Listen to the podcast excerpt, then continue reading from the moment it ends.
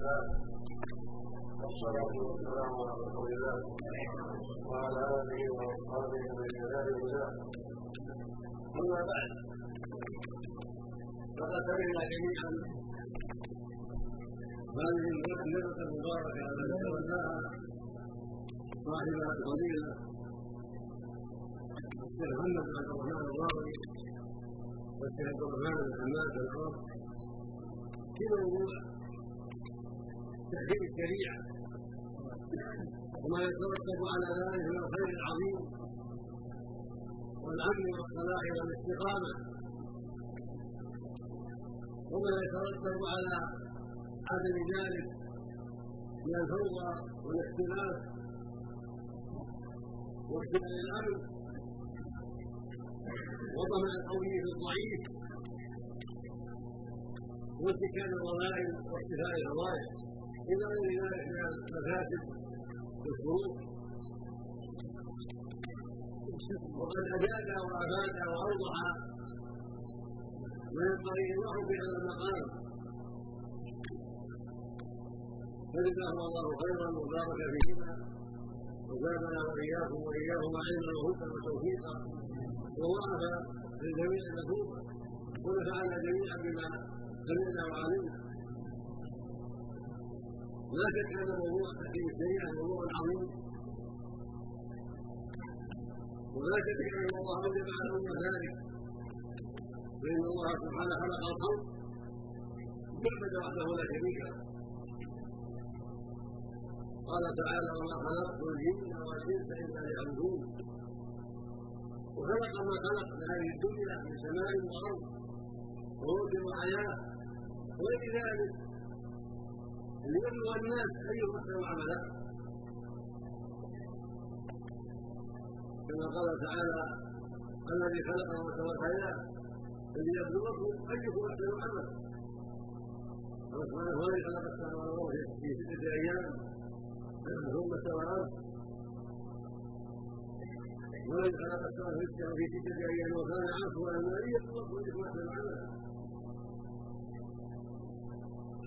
قال سبحانه انا جعلنا ما نرى زينة لها لنبلوهم ايهم أحسن عملا فالعباد هم ان يعبدوا الله وليعظموا ربهم ونهيه وخلق لهم ما في الأرض وخلق كل شيء لابتلاءهم أيهم أحسن عملا هو الذي خلق لكم ما في الأرض جميعا. الله الذي خلق سبع سماوات والارض مثلهن. يتنزل بينهن لتعلموا ان الله على كل شيء قدير وان الله قد احاط بكل شيء علما فالعباد مبتلون بهذه المخلوقات مأمورون بأن يعبدوا الله وحده ويطيعوه مأمورون بأن يتعاونوا على البر والتقوى مأمورون بأن يبتعدوا عما حرم الله عليه وهم مبتلون وما خلق لهم من المخلوقات لينظروا ويتأملوا ويسارعوا للخير ويبتعدوا عن الشر حتى يفوزوا بالسعادة في الدنيا والآخرة وحتى يثبت العاقبة وحتى ينتشر بينهم الخير ويختفي بينهم الشر.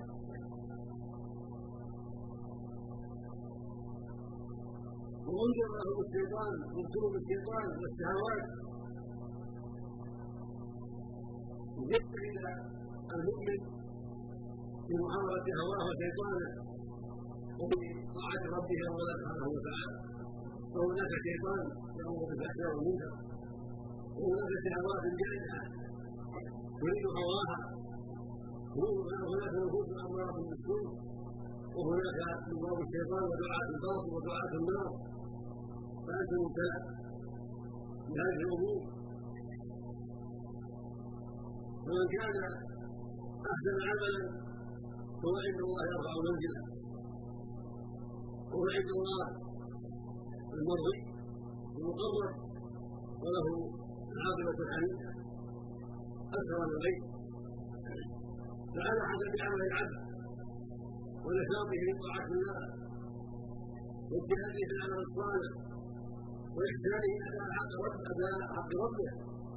تكون منزلته عند الله عز وجل. الجزاء والإحسان بالإحسان وتحكيم الشريعة والطريق الوحيد إلى شريعه الله عز وجل. ولإحسان العمل ولنفع الناس ويحكم على الظالم والشهيد. ويبقى في كل منهما عند حد كما قال عز وجل ثم جعلناك على شريعه فاتبعها ولا تتبع اهواء الذين لا يعلمون ان معك من الله شيئا فان الله يدعه اولياء بعض والله ولي المتقين. وقال اليوم اكملت لكم دينكم واتممت عليكم نعمتي ورضيت لكم الاسلام دينا. فالعباد مامورون بان يلتزموا بامر الله ويحكموا شرع الله وينقادوا لامره وموعودون بالنصر والتأييد والسعادة في الدنيا والاخره وعد الله الذين آمنوا وعملوا الصالحات لا يستحملون الأرض كما استحمل من قبلهم ولا يمكن دينهم من سوالهم ولا يبدلنهم من بعد هول الامر يعبدونني ما يشركون شيئا فيقول سبحانه يا أيها الذين آمنوا إن تنصروا الله ينصركم ويثبت أقدامكم. ويقول عز وجل ولا يغفرن الله من يغفره إن الله لقوي عزيز. الذين ان مكناه وقاموا الصلاه واتوا الزكاة. وامروا بالمعروف ونهوا عن المنكر ولله عاقبه القلوب ويقول عز وجل وكان حقا على نصر المؤمنين. هم موجودون بالنصر والتأييد إذا استقاموا ونصروا من الله. وحافظوا عليه. وتعاونوا على البر والتقوى. وآثروا رضاه جل وعلا على أهواء النفوس. وعلى حضورها المأمورون بل يعد العزة لأعداء الله لأن الأسباب أمر بها والنصر لله جل وعلا كما قال سبحانه وأعدوا لهم من قوة النبي بعض الخير ترهبون به عدو الله وعدوكم وآخر من دون ما تعلمه الله يعلمكم كما يقول سبحانه وتعالى إن تستجيبوا ربكم استجاب لكم ألم يمدكم بألف من أهل الجحيم وما جعله الله إلا بشرى قلوبكم والنصر من عند الله كل الله عز وجل والله النصر من عند الله العزيز الحكيم من عنده جل وعلا لاوليائه ولطاعه على اعدائه وخصوم الاسلام ولكنه يبقي بهؤلاء بهؤلاء وهؤلاء بهؤلاء ليبلوهم ايهم احسن عملا ليبلوهم هل يرجون من الله هل يصبرون هل يتقون الله هل يقدمون رضاه هل ينفقون في سبيله هل يضحون بالنفس والمال وكل شيء طاعته واتباع محمده أم ليس كذلك؟ فمن نجح في الامتحان فأطاع ربه واستقام على أمره واستغنى نعمه بطاعته وجاهد في سبيله فله السعادة الأبدية وله خير عظيم والعاقبة الحميد ومن وفق في هذا الامتحان وتبع الهوى الشيطان فغير النار نعوذ بالله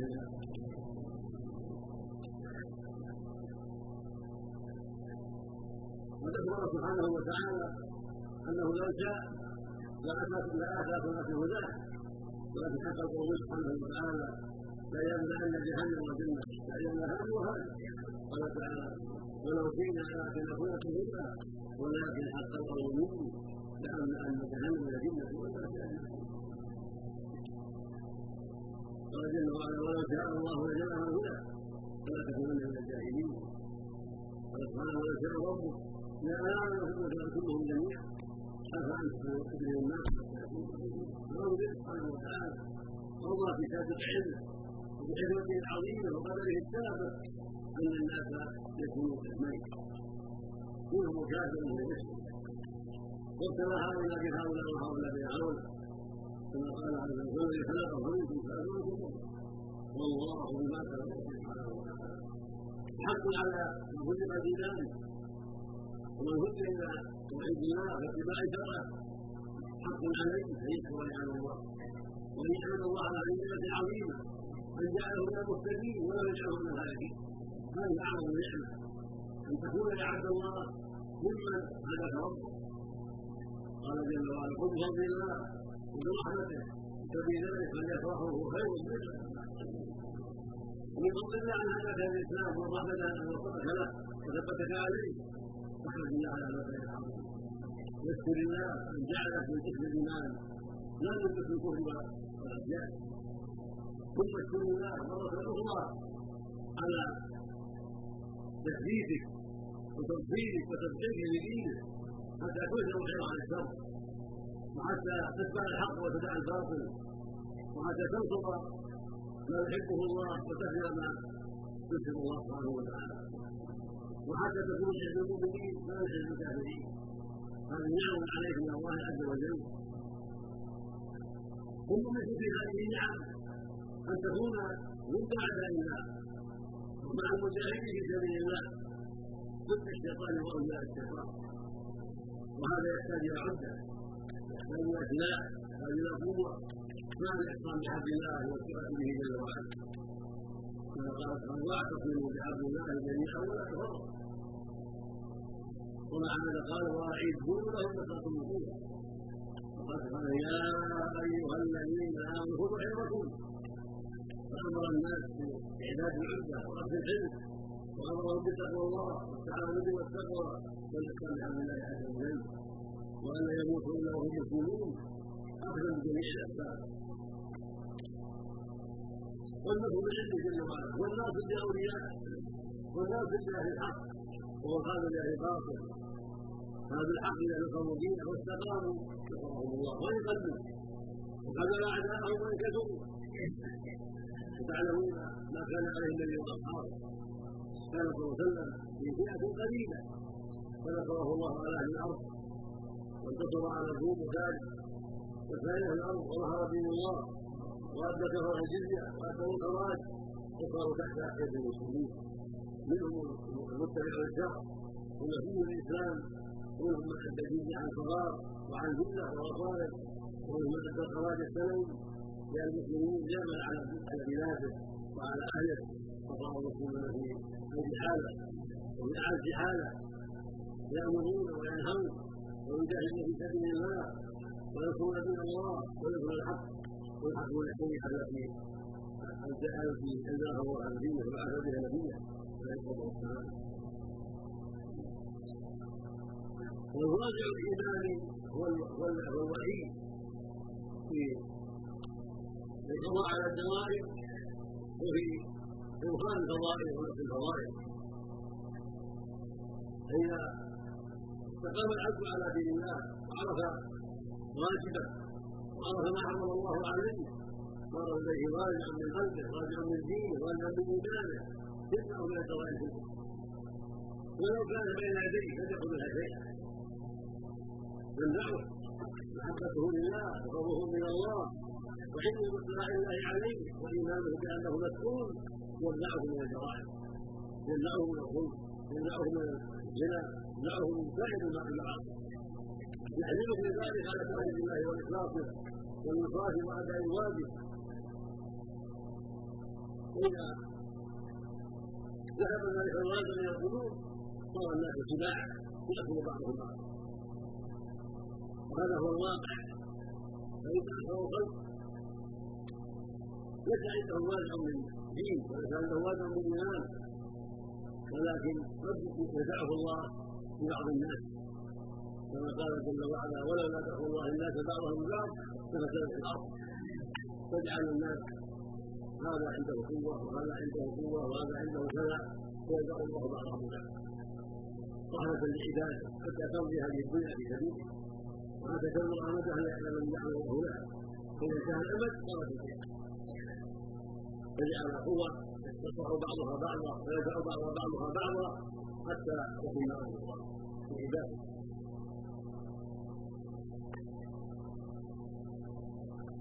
فمن أراد القوة الحقيقية والسعادة الأبدية وإن تجمع عليه الناس فليتبع الله وليستقم على دين الله. فإن مات مات سعيدا وإن عاش عاش حديثا الناس مات على خير الهدى والجنة والسعادة. وإن كنت قتل شهيدا كما قال سبحانه قل حتى ربكم ما بين إلا كفتين ثم النصر وإما الشهادة في سبيل الله. وكلاهما محمد من النجوم وعلى التوحيد اما من ضيع أمر الله. وركب محارم الله واستغل بحق الله فذلك له كفاره تامه إن عاش عاش شقيا وان مات فإن النار هذه حال هؤلاء الذين ظلموا الشيطان وعصوا الرحمن واتبعوا اهواءهم ولم يحكموا شرع الله بينهم فتكون الشريعة حجه عظيم والدفع السابق الدفع السابق لحمايه البشر من اتباعها وإبطال الحق ورفع الظلم والقضاء على المسلمين. لأن بالشريعة تقر القلوب بالإيمان وخوف الله. وطاعته وتعظيم أمره ونهيه وتعظيم حدوده. ويقف الناس عند حدهم ويتركون ما حرم الله عليهم خوفا من الله ورغبا بما عنده. ويعيش بينهم ضعيفة في أمن وسلامة ومحبة الخير والمواساة وأنتم تشهدون وترون وتسمعون.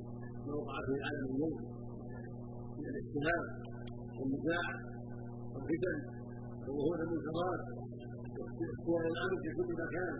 مع انهم وصلوا في هذه في آخر هذه الأزمان وصلوا إلى أمور ما كانت تخطر بالبال ولا تكون في الخيال من القوه التي تدلعوا بها. واخبر عنها المصطفى عليه الصلاه والسلام لا تروا من الحرام البقعه دون حرام أهل الشرق الغرب واهل الغرب يكلمون أهل الشرق يقولون اخبارهم وحوادثهم وسمعوا اشياء قالوا في الجو وغاصوا في البحار ما كفاهم ان يسيروا في الأرض وفوق البحر ويساروا في الاجواء وغاصوا في البحار في دوح البحار ان على اثبات المكان ولا افراد السعاده بل في اقوى دوله هي أمريكا وفي السوفيت فيها من الفساد واختلال الامن وقتل الناس وظلمهم والعدوان عليهم ما لا يفترض الله عنهم ولا يملك على دينه ولا على نفسه ولا على حبيبه ولا على بيته. وهو في الطريق إلى جمال الجنوب من الافات والبلاء. نعم هذه القوة شرط الغرب قوه حسيه في الدنيا. ولكنها لا تغني شيئا عن غيرها في اثبات الأمن والهدى والسعادة.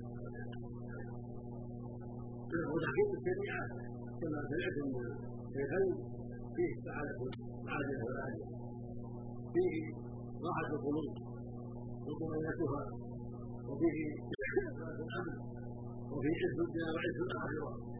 وفيه السعادة الأبدية. وفيه العدل بين الأمة.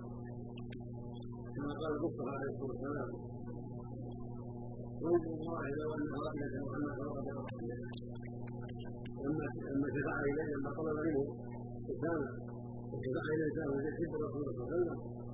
ان يدعو الحد عن المخزوميه قال تقطع يدها غضب عليه فقد اشتروا بحد من الله.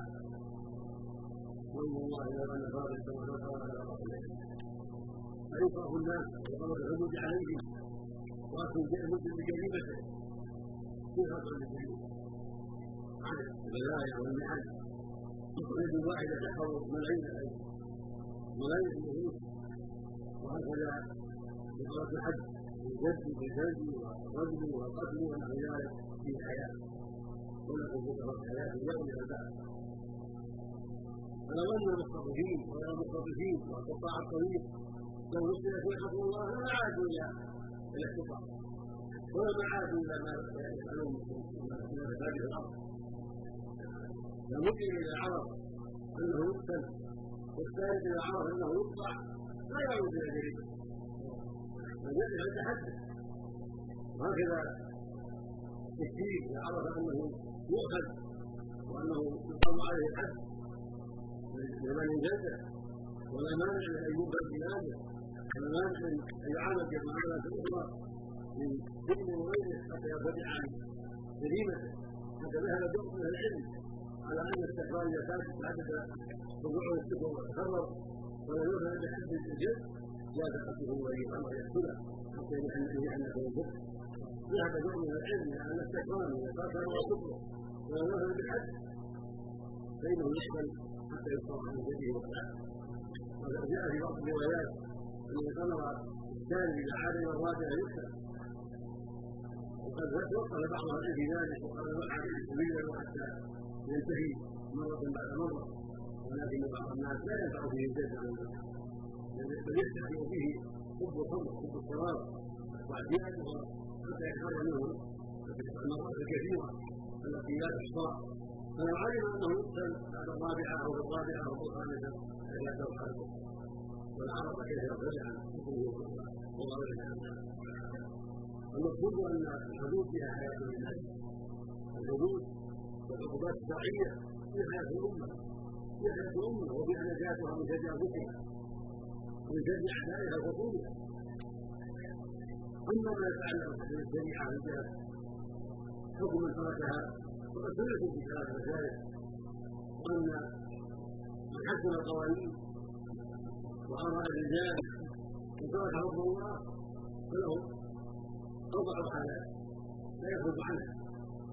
في ثلاث حالات يكفر الحاله الرابعه شكر صاحب جريمه وكبيره عظيمه يستحق العقاب الشديد ولكنه لا يكفر الأحوال الثلاثه يكفر فيها؟ احداها اذا حكم من شريعة الله ويرى أن القوانين أفضل من شريعة هذا كافر الاكبر والسلام يسأل كافرا يحتج على ولاة الأمور ويجاهدوا ويجاهدوا فأن يقرأ كافرا الحال الثاني يقول لا القوانين كفر لكن مثل مثل مثل مثل الحدود مثل الشريعة فلا بأس مثل القوانين فلا بأس كله جائز هذا وهذا كله سواء هذا كافر أيضا من غير مدة لأنه استحل ما حرمه الله وحب وجه الله الحال الثالثة أن يكون شريعة أفضل شريعة أفضل لا تساوي ولكن يجوز يحكم بين العلماء يجوز ولكن شرع الله أفضل وأولى. ولكن لا مانع من تحكيم القوانين. ولا بأس من أن يحكم القاضي بين الشريعة بهواه وغيره. الذي خلقه الشرع والقهر ويستحل ذلك. هذا أيضا كفر أكبر وينفع الإنسان ولو قال إن الشريعة أفضل ولو قال إنها مقدمة. دام يرى الحكم بغير ما انزل الله وانه لا حرج في ذلك هذا كافر لأنه وجب ان يحفظ الشريعه وقد يجوز خلاف الناس وقد كتب الله. وسبحان ما حرمه الله فيكون كافرا فالحال الراجعه هي التي يكفر فيها كما قال ابن عباس وغيره من الأئمة. وهي التي يقول فيها ان الحكم بغير ما الله منكر وانه جريمة. والتي يقع من أهل الهوى. وإما للاشواء وإما لكونه مثل على عهد بالله أو ما أشبه ذلك. ويعلم أنه مسلم ويعلم أنه عاصي وان القوانين باطله وان الأمر باطله وان الحكم بالهوى أو بالكفر باطل ولكنه يحمله الهوى ويحمله مقاصد واغراض خبيثه على ان يستحل خلاف الشريعه ويحكم بثلاث الشريعه ويلغي الامر الشرعي في هوى نفسه أو يكفر اياها أو ياتي أخرى من الاضرار التي يستحق بها. الحكم بالباطل ويعلم أن الله هذا باطل وانه عاصي وأن واجب تحكيم الشريعه فهذا هو الذي قال عنه أنه اتى جريمه وانه عاصي لله واتى كبيرا عظيما وانما تكبر بالظلم وظلما بالظلم وكفر ولهذا تعلم أن الحكم بغير الشريعه ينكر مطلقا وظلم مطلقا وكفر مطلقا ورزق مطلقا لكن في حال اقسام الثلاثه كفر أكبر.